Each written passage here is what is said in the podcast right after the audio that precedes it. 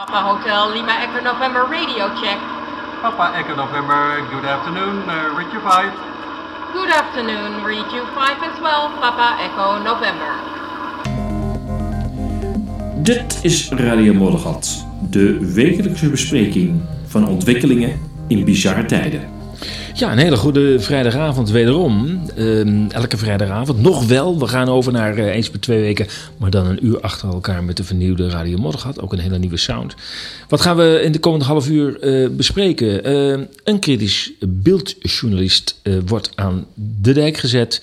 We gaan even naar de Verenigde Staten die zich verbazen over dat wij hier de mogelijkheid afwijzen dat we naar een social credit systeem gaan. Um, we gaan ook nog even naar de Verenigde Staten omdat uh, daar toch een uh, senator in Texas zich heel helder heeft uitgesproken over de uh, vaccins.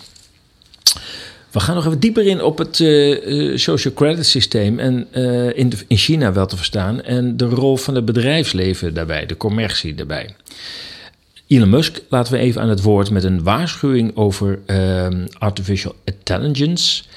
Uh, we bespreken even kort een uitgelekte notitie van de Europese Unie over uh, AI, hè, kunstmatige intelligentie.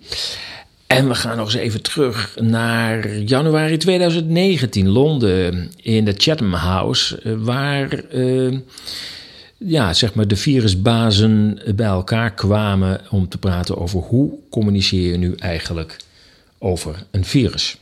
Maar eerst naar de Bildzeitung.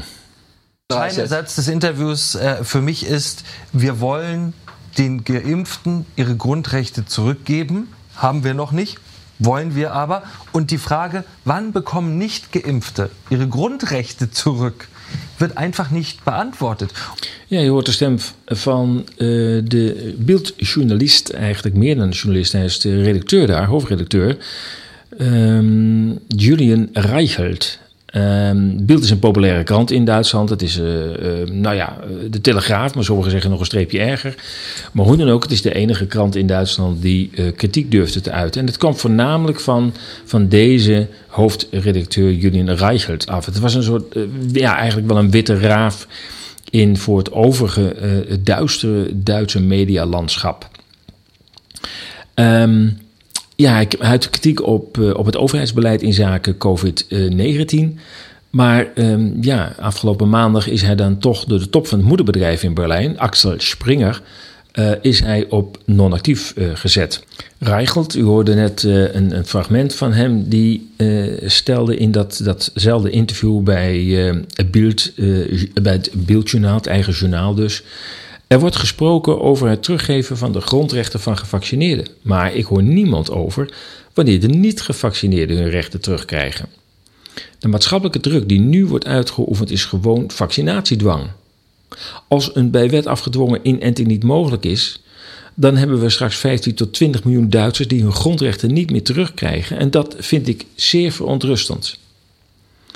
Ja, uh, Reichelt zou gestruikeld zijn over beschuldigingen van vermenging van zakelijke en privébelangen. Er werd ook nog iets over seksuele intimidatie van collega's geroepen. Dat is inmiddels weer teruggetrokken. Uh, dus het blijft een beetje hangen wat het nou precies uh, is. Ja, je kunt je natuurlijk afvragen of de onderzoeken naar zijn gedragingen op zichzelf staan. Of een bron kunnen hebben in de irritaties die Reichelt met zijn kritiek op de Duitse regering kan hebben opgewekt. Dat is, dat is niet helemaal duidelijk. Maar we weten één ding zeker. Kritiek uit op het coronabeleid heeft al menigeen in grote problemen gebracht. Ja, en ook in de Verenigde Staten dringt uh, de brutaliteit van de overheid door uh, en ook van sommige bedrijven om vaccins te verplichten op straffen van verlies van je baan. Senator Hall van de staat Texas stelt zich overigens te weer uh, tegen deze gang van zaken. Hij vindt het onacceptabel dat mensen zelf opdraaien voor de eventuele schade door bijwerkingen.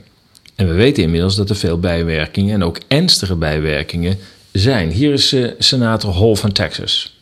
The problem we have right now in America, all the way around, is that several years ago, the pharmaceutical companies came to the government and said, unless you do something about the problems we're having with this thing we're doing that has a lot of adverse reactions, we're going to quit making the vaccines.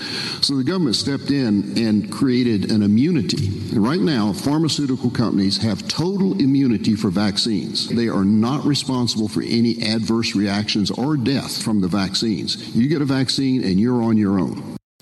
Ja, veel duidelijker kan hij het niet zeggen natuurlijk. Van ja, de vaccinfabrikanten hebben bij het begin van de productie uh, met de regeringen, en dat is wereldwijd gebeurd, afgesproken van hou er rekening mee, uh, er kunnen bijwerkingen zijn, uh, kom bij ons niet aan voor schadevergoeding, want wij gaan het niet doen. De overheid heeft het formeel ook niet op zich genomen. Uiteindelijk zal de overheid er wel een keer voor opdraaien, maar niet zomaar. Ehm, en daar stelt deze senator zich tegen te weer. Die zegt: Dit is eigenlijk toch heel bruut dat je, dat je mensen verplicht stelt een vaccin te nemen. En dat als er bijwerkingen zijn, en nogmaals, die zijn in grote mate helaas aanwezig. Um, dan draaien die mensen uh, er zelf voor op. Dus als ze dan arbeidsongeschikt uh, raken voor korte of langere tijd, dan moeten ze dat allemaal zelf maar uh, bepalen. Ja, dat is, dat is tamelijk bruut. Het is onvoorstelbaar dat in Nederland ook die dwang zo extreem wordt opgevoerd. En dat uiteindelijk als het uh, tot uh, problemen komt, dat uh, iedereen de handen in de lucht steekt. We blijven nog even in de Verenigde Staten. bij Adam Curry en John C. DeVork bij hun podcast No Agenda. Um, want ja, Adam Curry is Nederlander van oorsprong, of geloof zelfs Australiër, maar heeft heel lang in Nederland gewoond en gewerkt als DJ. en kijkt ook regelmatig natuurlijk over de grens. En verbaasde zich over het feit dat de Tweede Kamer de motie uh, afwees. Waarin werd opgeroepen om uh, toch vooral niet ooit over te gaan tot het invoeren van een social credit systeem. Um, then the Dutch parliament, there was an amendment submitted to ban any implementation of a social credit score, and it got voted down. No, we like the idea. We want to keep our options what open. parliament is this? We want to keep our options open. You know, you never know what could uh, happen. We might need it. Well, it's a, uh, a, a what a de, a demissionaire. Um, you know, the the government fell, so it's it's still not an official government. This is just the the old guys who are supposed to sit around shouldn't even be passing laws at all. Well, but, they're not passing the law. They're uh, rejecting the, the, the law was going to be to, to kill the idea. Yeah. Yeah. So they're doing their job. It's crazy. Ja. ja, dat is wel lachen. Nou ja, eigenlijk is helemaal niet lachen. Want het is natuurlijk best wel gek dat, uh, dat de Tweede Kamer niet gewoon zegt... ja, zo'n social credit systeem willen we hier gewoon niet hebben. Dat is vreemd. Nu we het toch over het social credit systeem hebben... dan moet je toch naar de bron van deze, dit hele concept, toch wel tamelijk dystopische concept, mag je zeggen. Want uiteindelijk zal het betekenen dat eigenlijk alles wordt geregistreerd van je en alles met elkaar kan worden gecombineerd, zodat straks de staat meer van jou weet dan jij van jezelf. Goed, we kennen inmiddels dat, uh, dat bestaan hè, van dat Chinese social credit systeem. Dit is nu nog in enkele steden uitgerold, maar ik heb begrepen dat na verwachting volgend jaar dat in grote delen van China wordt uitgerold. Ja, dat moet je je voorstellen. Hm? Zo'n 1,4 miljard mensen in zo'n systeem. Ja, nu de overheid van zijn burgers glazen subjects maakt, ziet natuurlijk ook het bedrijfsleven zijn kansen. Nou, je moet er toch niet aan denken dat je zo'n systeem straks in Nederland hebt en dat de verzekeraars zeggen: Nou, we hebben er wel wat geld voor over om wat informatie uit dat systeem te halen. Hoe gedraagt onze verzekerde zich eigenlijk? Vormt hij een, een extra risico met, met, met rijgedrag? Steekt hij uh, over door rood licht? Of jaywalking heet dat in, uh, in, in China. Als je schuin over het zebrapad loopt, kan ook een probleem zijn. En dat zo'n verzekeringsmaatschappij denkt van ja, moet je horen, uh, gaat hij veel op skivakantie? Uh, ja, dat zijn dus allemaal gevaarlijke dingen. Dat zouden we wel eens graag uit dat social credit systeem willen, willen halen. En als iemand ja, gevaarlijk leven leidt, dan, dan willen we de premie er wel op aanpassen. Ehm, of dat de overheid zegt, ja, als je zo'n gevaarlijk leven leidt, uh, halen we er wat punten af. En uh, ja, dan mag je niet meer met uh, hoge snelheidstreinen, hè, bijvoorbeeld. Er kunnen allerlei sancties opgezet worden. Goed, we gaan even naar Xi Yangying. En zij is een, een onderneemster in China van de China Youth Credit Management. En nou, dan weet je al waar, waar het naartoe gaat. Want zij uh, heeft ook voorstellen om een speciale app voor jongeren te maken die weer aansluit op dat Chinese overheidssysteem voor social credits. 就是政府知道他自己需要一些自有的体系，他去提供公共服务里面的相关的一些信用产品，还要把信用体系建设完整，他一定也需要社会资源端的参与。Ja, ik denk dat, dat u het meeste er niet van verstaat. Uh, het is een beetje lokaal dialect, denk ik. Maar goed, ja, je spreekt dus inderdaad uh, Xi. En uh, Xi zegt van ja, uh, de overheid kan dat gewoon niet alleen en heeft het bedrijfsleven hard nodig om de waarde uit het systeem, uit het social credit systeem te halen. Inmiddels werken een groot aantal bedrijven in China al samen met de Chinese overheid om dat systeem, nou ja, tussen aanhalingstekens te verbeteren. Shai heeft een start-up en die werkt samen met de Communist Youth League of China. Zo gaat dat. Bedrijfsleven en politiek schuiven helemaal in elkaar in China. Dat zien we overigens hier ook langzamerhand gebeuren, of is eigenlijk al langer aan de gang. En misschien hebben we daar wel die hele COVID-pandemie aan, aan te danken, aan die innige omhelzing van overheden en bedrijfsleven. Maar goed, zij ontwikkelde een, eh, een, een speciale eh, social credit app voor jongeren. 比如说，如果丈母娘是一个喜欢有钱的女婿的话，他就要去关心他的资产状况，对吧？如果一个女孩子她喜欢喜欢金融的一个，ja, Xi legt uh, hier uit dat het doel is om het systeem uiteindelijk uit te breiden naar alle Chinezen tussen de 18 en 45 jaar. En dat zijn er bij elkaar toch uh, eh, 460 miljoen. Zo ziet Xi ook een schoonmoeder bijvoorbeeld in een app zoeken naar een welgestelde schoonzoon. Eentje die zonder schulden is of overtredingen. Dingen die je niet uit jezelf zou vertellen, maar het systeem jou dan waarschijnlijk wel vertelt.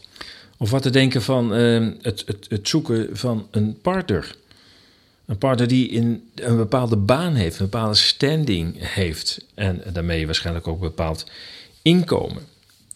Ja, over privacy zit Xi totaal niet in. Het lijkt erop dat wij in het Vrije Westen of in ieder geval in Europa ook langzamerhand aan die Chinese uh, ja, norm moeten wennen dat privacy eigenlijk niet bestaat. Want zij zegt: het spoor aan data dat mensen achterlaten moet benut worden voor een betere samenleving, bedrijfsleven, maar ook voor politieke besluitvorming. Ja, ja. Uh, wij kunnen ons voorstellen hoe graag in Europa bedrijven ook die data zouden willen hebben. Wat ik straks al zei, ik kan me voorstellen, de verzekeringsmaatschappij, het, het, het rijgedrag van eh, zijn verzekerde in de gaten wil houden. Of uh, ja, waar die, waar die op een dag uithangt, zijn het risicovolle activiteiten die, uh, die, zijn, die een verzekerde onderneemt. En zeker op het gebied van gezondheid kan ik me ook voorstellen dat men dat uh, in de gaten wil houden. The percentage of intelligence that is not human is increasing. And eventually we will represent a very small percentage of intelligence. I try to convince people to slow down slow down AI, to regulate AI. This was futile. I tried for years. Het is wel even uh, wennen, eerder gezegd, om uh, een dergelijke waarschuwing uit uh, de mond van Elon Musk te horen. Dat is natuurlijk, ja, als er één persoon is, nou ja, er zijn natuurlijk veel meer, maar hij zit natuurlijk wel heel erg in de, in de techniek en de technologische ontwikkeling. Weliswaar ruimtevaart, en ehm, onder andere uh, automobiliteit. Maar desalniettemin, het is wel een heel erg technisch georiënteerd uh, persoon. Uh, ja, dan is zijn waarschuwing wel des te opmerkelijker. Hij zegt heel duidelijk van, ja, ik heb al jaren voor gewaarschuwd. Het begint ons te overschaduwen. We moeten daar nu echt op gaan letten. And it scares the hell out of me. The biggest issue I see with so-called AI experts is that they, they think they know more than they do. Um, and they think they're smarter than they actually are. The deep mind system can win at any game. It can already beat all the original Atari games. It is superhuman. It plays the games at super speed in less than a minute. Ja, waar Musk zich geen bijzondere zorgen om maakt, en ehm, dat is een reëel punt. Hij zegt, ja, eigenlijk doen we het allemaal zelf. Wij voeden het systeem. Je zou kunnen zeggen, we voeden het beest. De hele dag zijn wij natuurlijk eh, met onze, eh, ja, ik zou bijna zeggen, onze zakgevangenis onderweg. Ehm, doen van allerlei handelingen erop. En sommigen zeggen, ja, ook al doe je er geen handeling op, dan nog kan het apparaat allerlei dingen eh, aan je telefoon ontfutselen. Waarvan je het niet weet dat het gebeurt en ook waarvan je eigenlijk ook helemaal niet zou, zou willen. En daarmee voed je het beest. Je voedt constant informatie aan, aan dat systeem. Um, uh, Google is daar redelijk almachtig in. Uh, het heeft met zoekopdrachten te maken, het heeft met de documenten te maken. Uh, die je in Google Docs zegt of present, zet. presentaties kunnen daar natuurlijk in. Ik heb al begrepen van Google dat ze met het oog op de huidige pandemie ook Google Docs gaan doorzoeken op nou ja, laat ik het dan maar even in politieke termen zeggen, in, uh, naar subversieve, subversieve uh, documenten. Documenten die, uh, ja, waar het woord vaccin in naar voren komt. Nou, dan weet je alvast dat dat er niet meer in voor moet komen. Dat je daar even X voor in moet vullen. Of, of het verschijnsel of een ander codewoord. Ja, zo ging dit in oorlogstijd ook overigens. Maar goed, um, um, maar ook ja, Google Maps. ja, wat doe je eigenlijk niet met Google Video's kijken? Als je um, ja, eigenlijk alle dingen die je, die je op internet doet, als je dat bij elkaar optelt. En dan hebben we het nog niet over Facebook en LinkedIn, wat van Microsoft is. We hebben het uh, natuurlijk niet over Instagram, wat ook weer van Facebook uh, is. Ja, zo kun je natuurlijk nog wel even doorgaan. Uh, met andere woorden, um, er is een rijk palet aan, aan problemen. En um, ja, dat is nou precies waar, waar Musk ook voor, voor waarschuwt. We're all collectively programming the AI, and the, and Google plus the, all the humans that connect to it are one giant cybernetic collective. This is also true of Facebook and Twitter and Instagram and all these social networks. Ja, je tijdperk van COVID heeft natuurlijk die hele uh, digitalisering uh, enorm, enorm versneld. En dat was natuurlijk ook wel de bedoeling. Ik bedoel, dat, kijk maar naar documenten op, uh, op, op de website van het World Economic Forum. Allerlei uitspraken van uh, de inmiddels beroemde en beruchte Klaus Schwab, die toch ja, een, een, een, een club van zo'n duizend van de grootste bedrijven ter wereld vertegenwoordigt. In ieder geval daar een soort spokesman uh, van is, een woordvoerder van is, die die ja, eh, COVID toch echt als een, als, een, als een small window of opportunity vindt om een aantal zaken er eens even flink door te drukken. Ik moet zeggen dat uh, het woord small window, uh, ja, daar krijg ik langzamerhand wel een beetje buikpijn van. Want uh, we, zitten nu al 19 maanden in die zogenaamde small window. En het lijkt erop alsof men dat, dat, dat window toch nog wat verder open wil trappen en wat wil verlengen. En dat men elke keer maar weer probeert om, om de zaak op te rekken. We hebben nou COVID achter de rug. En nou ja, achter de rug. We hebben het er nog natuurlijk elke dag over. Uh, maar het lijkt erop alsof uh, er toch wel een beetje COVID-slijtage aan de gang uh, is. Niet alleen bij veel burgers, maar ook bij, bij, bij zorgverleners. mensen bij de media die hier en daar toch wel zoiets hebben van... Pff, mag er wel een keer afgelopen zijn. Ja, en dan introduceren we weer de griep als iets heel bijzonders. Iets wat we natuurlijk ons hele leven al hebben meegemaakt, elke winter. En het lijkt erop alsof we COVID nu ineens weer moeten zien als de nieuwe griep. Ja, dat is toch, toch best wel raar. Hè? Ik bedoel, toen COVID kwam, was de griep ineens weg. En dan mochten we het absoluut geen griep meer noemen. En uh, in termen van case fatality rate is het heel erg vergelijkbaar met de griep. Alleen in verschijnselen blijkt dat toch wel hier en daar echt anders te zijn. Uh, maar ja, niet in dodelijke slachtoffers. Uh, dus het is maar net welk aspect je daarbij neemt. Maar nu, de angst die, die anderhalf jaar is gezaaid rondom COVID, moet kablijkelijk weer terugkomen in de griep. Want als we de angst van COVID kunnen overzetten op de griep, wat we, nou ja, laten we eerlijk zijn, tot 2020 gewoon de griep vonden. en accepteerden zoals het kwam. Um, ja, als die angst overgezet kan worden naar, uh, naar de griep, ja, dan kunnen we nu elk jaar gewoon het woord griep gebruiken, maar elke keer roept dat dan weer die angst op. Die angst die we dus eerst niet hadden. En die angst moet natuurlijk wel ergens toe leiden. Die moet ertoe leiden dat we um, uh, toch weer aan de volgende spuiten gaan. Dat de griepprik nu toch echt elk jaar wordt genomen. Uh, dat ook jongeren aan de griepprik moeten, want dan krijg je weer hetzelfde verhaal van ja, nee, anders steek je opa en oma aan. Dus dat, dat, kan ook niet. En uh, ja, jongeren steken. Enfin, het hele narratief van COVID wordt volgens mij mee verhuisd naar de griep. En ook de verdienmodellen worden natuurlijk mee verhuisd naar de griep. Althans, dat is de bedoeling. Of ze er echt in zullen slagen, weet ik niet. Het zal ook, denk ik, levensverlengend werken op al die, al die argumenten om uh, die controlesystemen in de lucht te houden. Ja, die QR-code is, ja, ja, we hadden het voor COVID geïntroduceerd, maar ja, nou hebben we toch wel heel veel griepgevallen in de ziekenhuizen uh, liggen.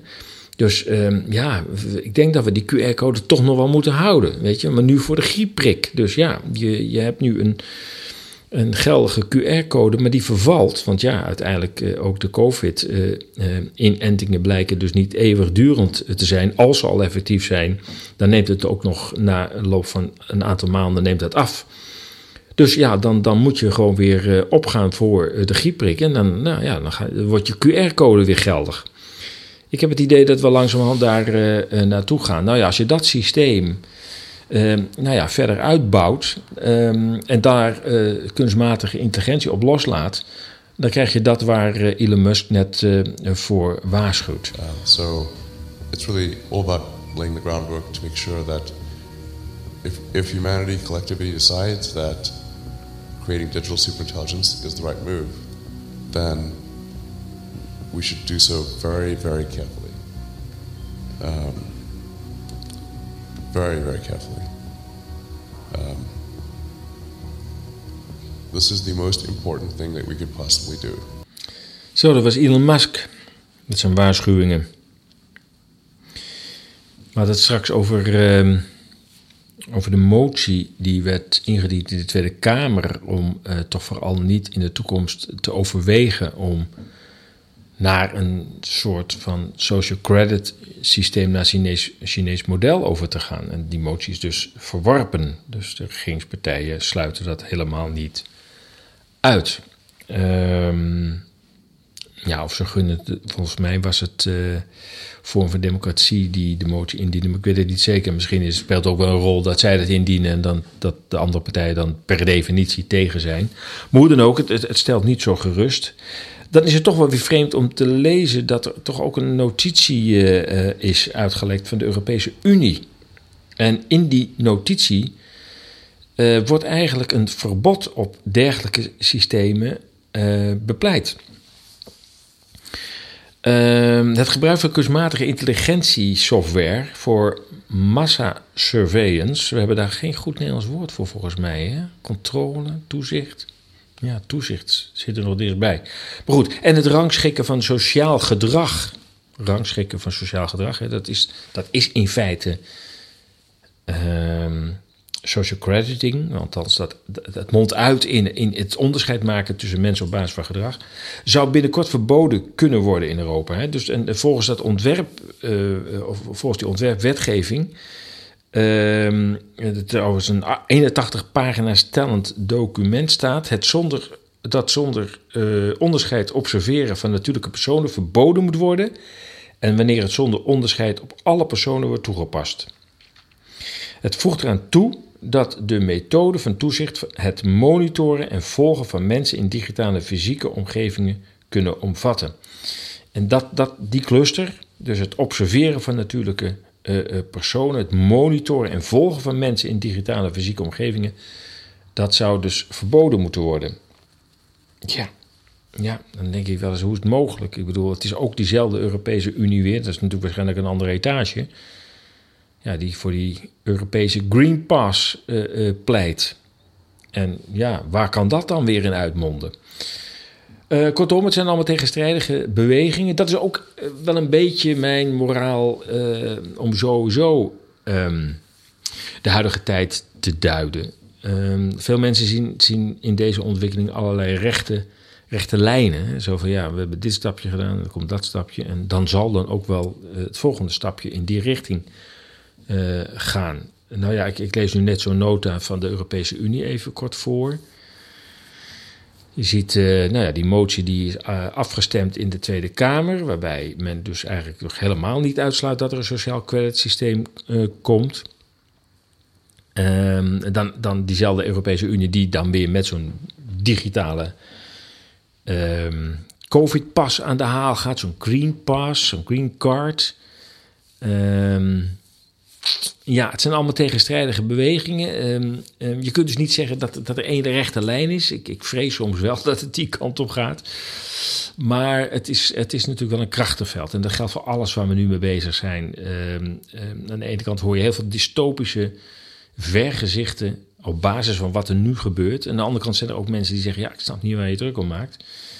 Uh, nou, ik snap het wel overigens, maar er zijn ook heel veel mensen die zeggen: Ja, ik snap niet waar je druk om maakt. waarom wordt het erger dan, dan nu? Dat, dat is toch helemaal niet gezegd. En laten we eerlijk zijn, we moeten ook een beetje uh, optimistisch blijven. Want ja, je kunt natuurlijk steeds naar Australië kijken, waar, ja, laten we eerlijk zijn, daar. En ook Nieuw-Zeeland die weer in een forse lockdown zit, omdat ze naar zero COVID willen, ja, dat is, dat is, dat is het doel van een waanzinnige. En blijkbaar zijn die daar aan de macht. Um, dus ja, Australië kun je inderdaad wel zeggen dat, dat die helemaal van het padje af zijn. Um, ik heb begrepen dat zelfs de Aboriginals uh, nu uh, door de politie achterna gezeten wordt uh, ten behoeve van gedwongen vaccinatie. Beelden zijn op internet ergens te vinden waarbij de Aboriginals met pijl en boog tegenover de Australische politie staat. De politie staat, ja, twee betekenissen. Nou heeft Australië toch al een slechte reputatie als het gaat om omgang met de, de minderheden. Dat geldt helaas voor veel westerse staten. Um, want ja, uh, men heeft daar ook zijn excuses voor aangeboden. En in het verleden nam de Australische overheid kinderen weg bij Aboriginals en werden dan in blanke Australische gezinnen gezet. moet je nou witte zeggen? Nou ja. Ehm, om, om daar betere mensen van te maken. Ja, daar hebben ze uh, jaren geleden, inmiddels alweer, hebben ze daar hun excuses voor aangeboden. Had nooit mogen gebeuren. En nu loopt de politie weer achter de Aboriginals aan, want zij moeten, zij moeten want ja, ze kunnen hun de baan niet afnemen. Dus die worden letterlijk fysiek gedwongen. And then you have one opportunity to do it right. I mean, day one is so important. Uh, in day one, you start your communication with the press, with the people, and, uh, and you have to do it right. I mean, you have to go for one voice, one message. Ja, je hoort Mark van Ranst, uh, de viroloog-baas van, uh, van België. En hij spreekt hier in het Londense Chatham House in januari 2019. Daaruit zijn de, de opname af, uh, opnames uit, afkomstig. De Chatham House is een soort luxe debatpodium. Um, het zegt op zijn website dat het een onafhankelijk centrum is voor, voor debat. Maar ja, dan kijk je toch weer naar de financiers. En dat is altijd wel belangrijk, follow the money. Wie, wie betaalt nou eigenlijk uh, deze club? En dan zie je toch weer bekende namen staan als de Open Society Foundations. Dan hebben we het over George Soros. We zien de naam van Bill en Melinda Gates staan. De Europese Unie. Ministerie van Defensie van Australië. Jawel. En Royal Dutch Shell. Om even nauwkeuriger te zijn, we schrijven 22 januari 2019 als in dat, dat Londense uh, Chatham House het Influenza Pandemic Preparedness Stakeholders Conference wordt gehouden. Um, naast de in 2009 met de Mexicaanse griep in opspraak geraakte Ab Oosterhaus spreekt dus ook die Mark van Rans, de Belgische collega van de RIVM-baas Jaap van Tissel. We luisteren naar Verrans en horen een aantal van zijn soms ontluisterende adviezen over hoe je een pandemie moet communiceren. You have to be omnipresent that first day or the first days. So that you attract the media attention, uh, you, you make an agreement with them that you will tell them all, and if they call, you will pick up the phone. When you do that, then you can profit from these early days to, uh, to get complete carpet coverage of the field, and they're not going to search for alternative voices there. Ja, dat is nog eens een slimme tip van, uh, van Mark. Hè? Zo van zorg dat je constant aan de bal blijft. Dat je constant met informatie, jouw informatie geeft, met één mond spreekt. En dan gaan de journalisten ook niet naar andere bronnen zoeken. Nou, we hebben gezien hoe dat in de praktijk wordt gebracht. Het lijkt er inderdaad op dat uh, journalisten aan uh, de communicatietiet hangen van de, de overheid, daar alles in opzuigen, overschrijven, misschien nog wel copy-paste, meteen inlezen. Um, ik denk ook dat de huidige situatie ertoe leidt dat zeker de komst van, of, of met gebruik van internet in de, in de nieuwsvoorziening dat er ook eigenlijk helemaal geen enkele tijd meer is om dingen na te trekken. Ik bedoel, als de Telegraaf een primeur heeft, uh, namelijk er zijn weer zoveel uh, extra besmettingen geconstateerd, dan kun je als online volkskrant of, uh, of trouw kun je niet achterblijven. Kun je niet zeggen, nou, weet je, we gaan er nog eens even een nachtje over slapen en we komen er morgen wel mee, want dan, dan is niemand meer geïnteresseerd in, in jouw nieuws. Ja, het lijkt erop alsof communiceren over een virus ook een beetje marketing uh, is. Hè? Je moet daar een, een, een pakkende naam voor hebben. En daar had uh, Mark van Ranst januari 2019 ook duidelijke adviezen over. But the fact to have a, a clear and recognizable name, which was easy for the lay public to, to understand and use, um, was, was actually quite important. It also worked. This is the word of the year of 2009. Uh, defriending on Facebook became number one. Uh, to my big disappointment, Mexican flu was second and flu commissary was, was number six. Ja, die Belgische Mark Verrans had nog veel meer communicatieadviezen en, uh, als het gaat om omgang met de media. Uh, en vooral hoe je de media kunt beïnvloeden zodanig uh, dat ze ook met je mee blijven werken.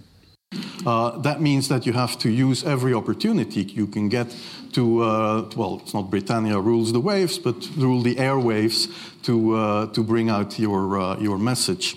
And that is what, that's something that you can do for free on radio, on TV.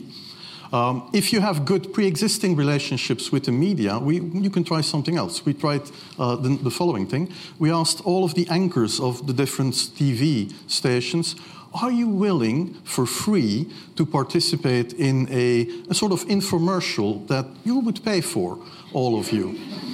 And they said, yes, we'll, we'll, we'll do that. And, and that was hugely influential. And, and, well, we would never be able, nobody would ever be able to pay for something like this. But if you have pretty good pre-existing relationships with them, then, uh, then you, can, you can ask for a return favor and they will, uh, or they might do that.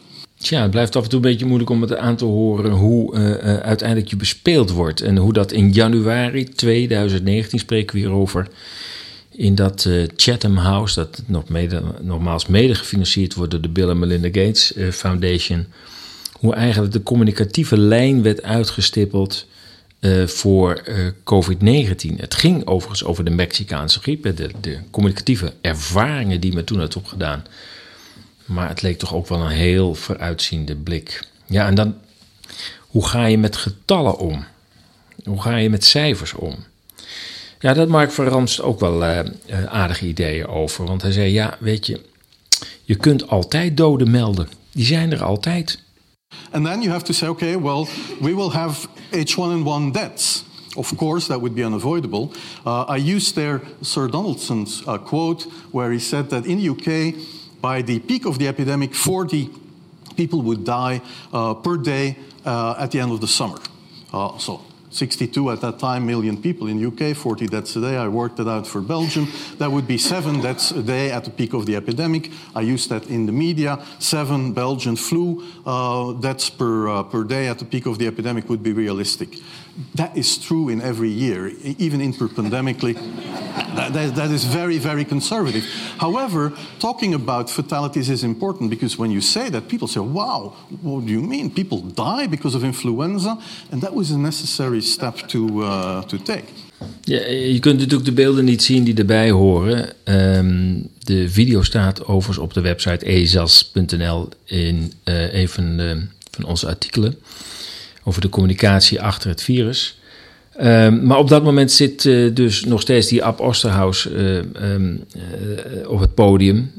En zit kostelijk te lachen om, om het concept van... ach ja, je kunt altijd roepen dat er doden zijn. Ja, dat is ook de huidige situatie weer precies het geval. Zeg, het, het, het zit erop, we zetten er weer overheen. Maar goed, we gaan ook naar een uur toe, dus dan hoeven we allemaal niet zo te haasten... Uh, ja, er liggen toch nog heel veel onderwerpen die we ook zouden kunnen behandelen. Vandaar dat we naar een uur uh, gaan. Dat we het uh, rustig aandoen en toch meer onderwerpen behandelen. Um, ja, we gaan eruit. Um, ik, ik, ja, als, je, als je dit programma zeer waardeert, ehm, en ook de artikelen op de website, ga dan even naar onze website en klik even onze donatiepagina aan. En elke donatie is zeer welkom om dit allemaal in de, in de lucht te houden. verder wijs ik je nog even op de nieuwsbrief. We hebben eens in de twee weken een nieuwsbrief misschien wel de mooiste en uitgebreidste van, van Nederland. Kijk maar even op de site, is hier ook een voorbeeld, een ouder voorbeeld staan. Um, je kunt je daar gewoon abonneren op de nieuwsbrief. En eens per twee weken krijg je hem in de bus. En uh, de andere week, dus zo gaan we het doen. Om de week dus een nieuwsbrief. En de andere om de week uh, een podcast van Radio Moddergat. Oké, okay, dit was het. ik wens je een heel prettig weekend. En we zien elkaar volgende week. Papa Hotel Lima Echo November radio check. Papa Echo November, good afternoon, uh, read you 5. Good afternoon, you 5 as well, Papa Echo November. Enerzijds anderzijds, zoek naar nieuwe inzichten in actuele thema's. De massamedia die lang werden vertrouwd, hebben dat vertrouwen bij velen verloren. Enerzijds anderzijds wil met haar berichtgeving meer balans brengen in actuele onderwerpen. Lees onze berichten en artikelen op ezas.nl. Laat ons uw mening weten en deel onze artikelen.